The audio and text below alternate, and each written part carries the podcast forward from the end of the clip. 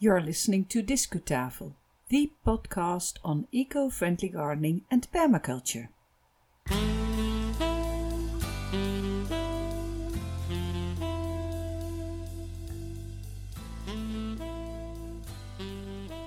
Welcome to this episode of Discutafel, the first Dutch podcast on eco friendly gardening and permaculture. Today is April 18th, 2019. My name is Ivan Smit and I am your host. Please listen today to another episode in English. This is a brand new one, so even if you've listened to Dutch episodes, this content has never been broadcast before. This is a part two of our talk about top garden birds in the UK and the Netherlands. In the show note, you'll find a link to part one. The whole recording dates from the beginning of last March, and it is based on the 2018 Birch, Birdwatch figures. We ended the first part by revealing the bird which was seen in most British gardens in 2018. It was the house sparrow. Is this also the bird spotted in most gardens here in the Netherlands? Listen to the answer on this, to this question and learn more about birdwatch results in these two countries in this episode of our podcast. Now and then we mention the Dutch bird name. I think now and then I forget it.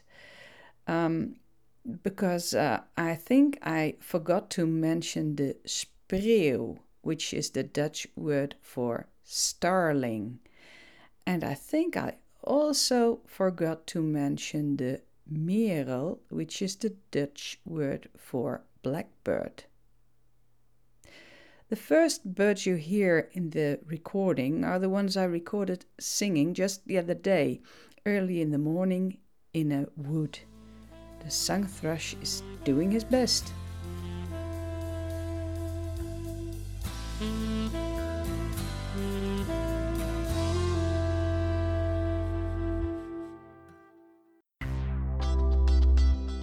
Discu knowledge.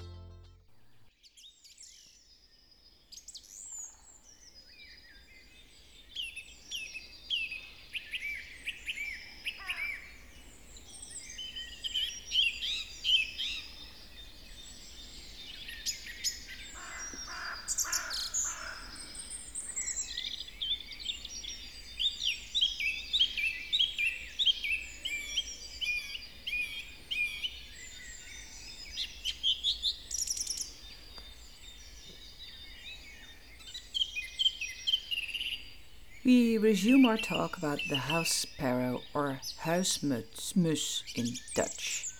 Sadly, the numbers have recently shown a decline in parts of Britain.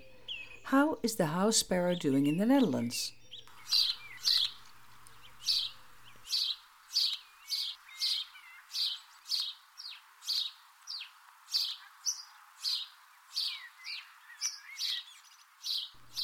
In the Netherlands, the situation is also very alarming.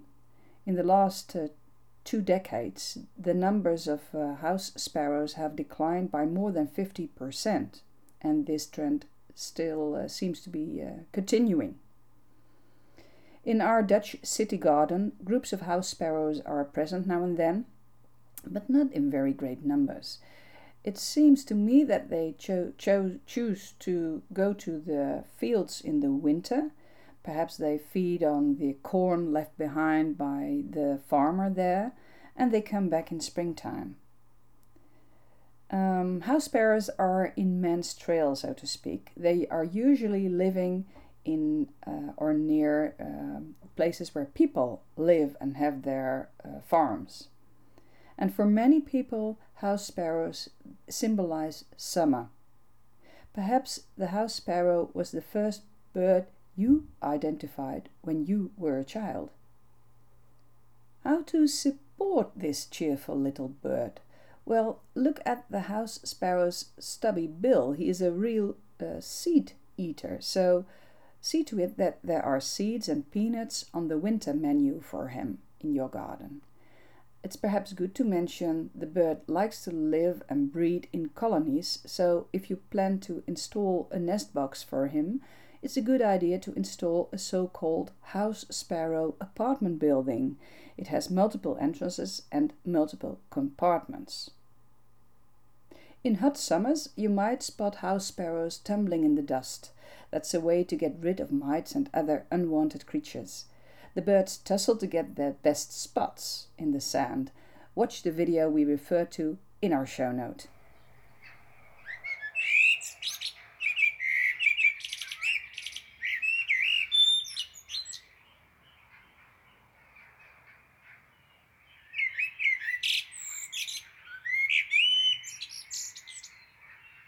So that's for Britain, but uh, here in the Netherlands it's another bird which is spotted in most gardens. Any idea which one? Until a couple of years ago it used to be the blackbird, but since 2016 the uh, Usutu virus came up and it uh, seems to have killed many birds. Uh, blackbirds seem to be rather sensitive to this uh, virus. And there's also such a thing as climate, climate change, which uh, seemed, seems to be a problem for blackbirds. Anyway, in 2018, the blackbird was seen in only 69% of Dutch gardens. And in my own garden, there seem to be a few more blackbirds again this spring, so I'm happy about that. Originally, the blackbird prefers woodland edges, and the next best option for him is are our trees, our lawns, and city parks. Encourage him to visit your garden by providing him with shelter, food, and nesting areas. The blackbird has mostly invertebrates on the menu, so let leaves and small twigs uh, break down in your border, and he'll gladly make a mess of your garden path edges. Uh, that's what he's doing in my garden, anyway.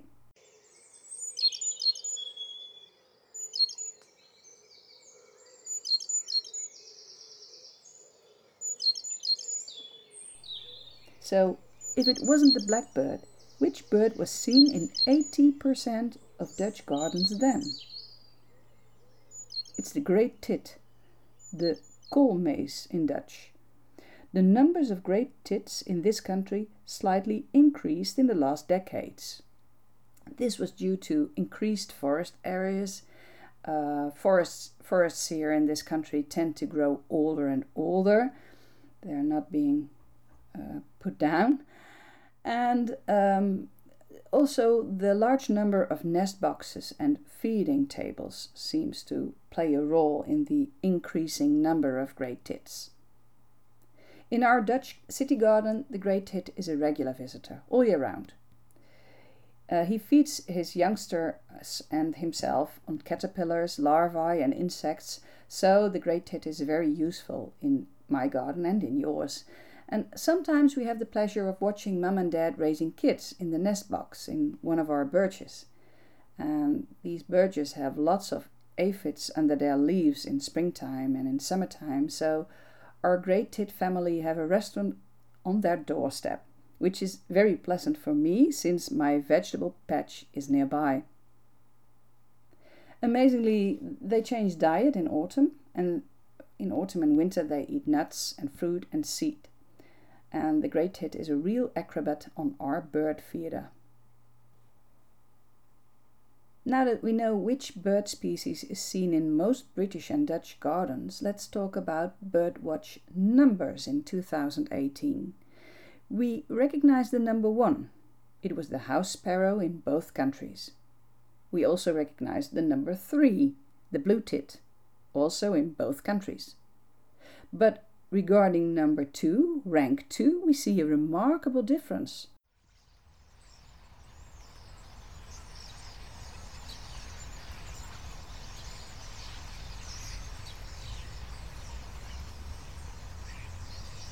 In the Netherlands, the number two was the great tit. Okay, we talked about that bird already, but the British number two is the starling. And this bird is not even in the Dutch top 10. Their numbers are declining dramatically here since the 70s.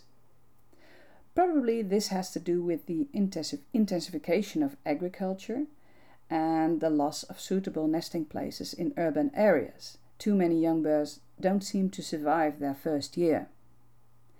The Dutch countryside is getting drier because of the intensive agriculture. Um, luckily, some farmers have another uh, way of working and they have a more nature inclusive kind of farming. And on, in, on their farms, the, star, the starling is doing better.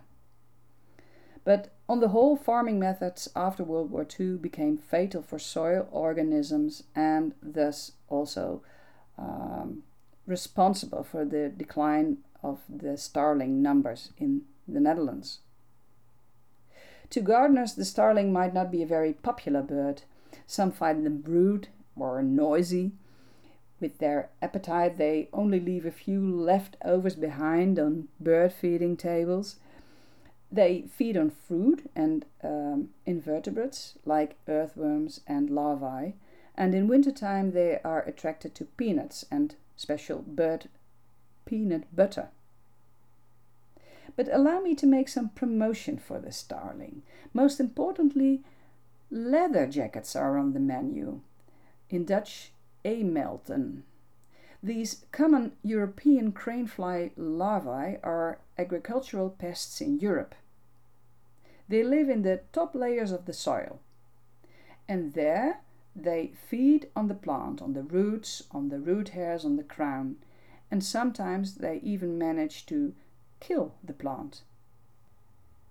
But um, there's more to say in promotion for the starling. You must have noticed how pretty these birds are, especially when the sun shines on their feathers. Or you have enjoyed the sight of their flocks in the autumn sky. It's very pretty to see. In my case, the starling has cheated me lots of times with his songs. Um, he's capable of imitating other birds perfectly. No, this is not a lapwing or buzzard above my head, it's an ordinary starling. And I do enjoy their group chat in my neighbor's conifer during winter nights, so I don't mind them being around here.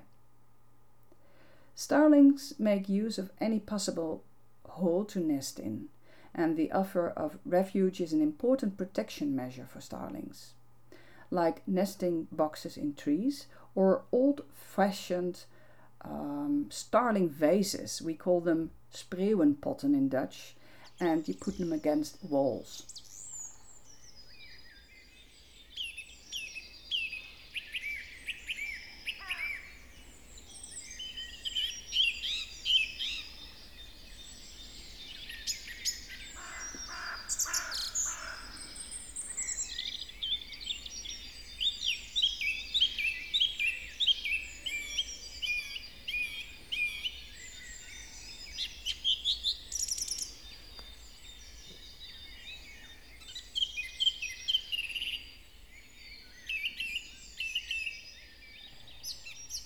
So, a small recapitulation on this subject of top garden birds in the UK and the Netherlands. The bird species most seen in gardens in 2018 was the house sparrow in Britain and the great tit in the Netherlands. The number of house sparrows is declining rapidly in both countries. In total numbers, the house sparrow and the blue tit are in ranks 1 and 3 in both countries. And the British number two, the starling, is declining dramatically in the Netherlands and is not even to be seen in the Dutch top 10. You can support your garden birds by providing shelter, food, and breeding spaces. Please read more information about the British and Dutch garden bird top 10 on our website discutafel.nl. Discu Journal this is the third English spoken episode of Discutafel podcast in 2019.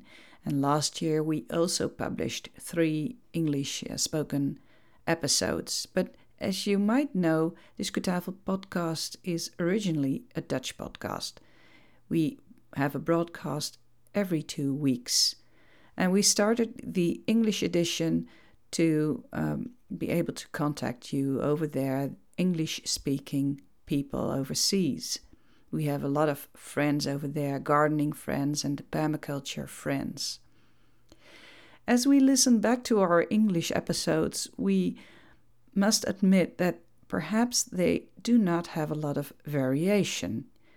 You always hear my voice in the studio over here, whilst in the Dutch episodes, you might have noticed uh, we have coverages, we have uh, interviews, and we'd like to have more variation in the English podcasts as well. But at this moment, we do not yet know exactly how to manage that.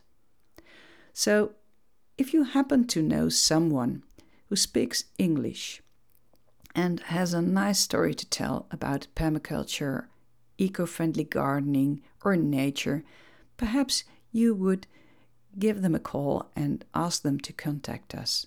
Or perhaps you yourself are a person who likes to have a chat with me uh, by Skype or telephone and make a recording for the English podcast. You're very welcome indeed. Please contact me at uh, by email and you'll find my contact information on the website. In the meantime, you might consider to sign up to our English newsletter. It's uh, there for you two or four times a year. We're not yet sure. It's a new title, the Discu Post newsletter. And we'd like to alert you in this newsletter to our uh, blogs on the website and to some news about eco friendly gardening and permaculture here in the Netherlands. So sign up to the newsletter on our website. We'd like to welcome you not only as our, one of our listeners, but also one of our readers. Discu finish. That's all, folks, for this time. You'll find links in the show note which accompanies this episode of Discutafel podcast. As always, go to discutafel.nl. May I remind you that we are on the lookout for English speaking guests in our show. Thank you very much for helping us out. I expect the next English episode to be online as from May 23rd. In the meantime, let's go outside. And until next time.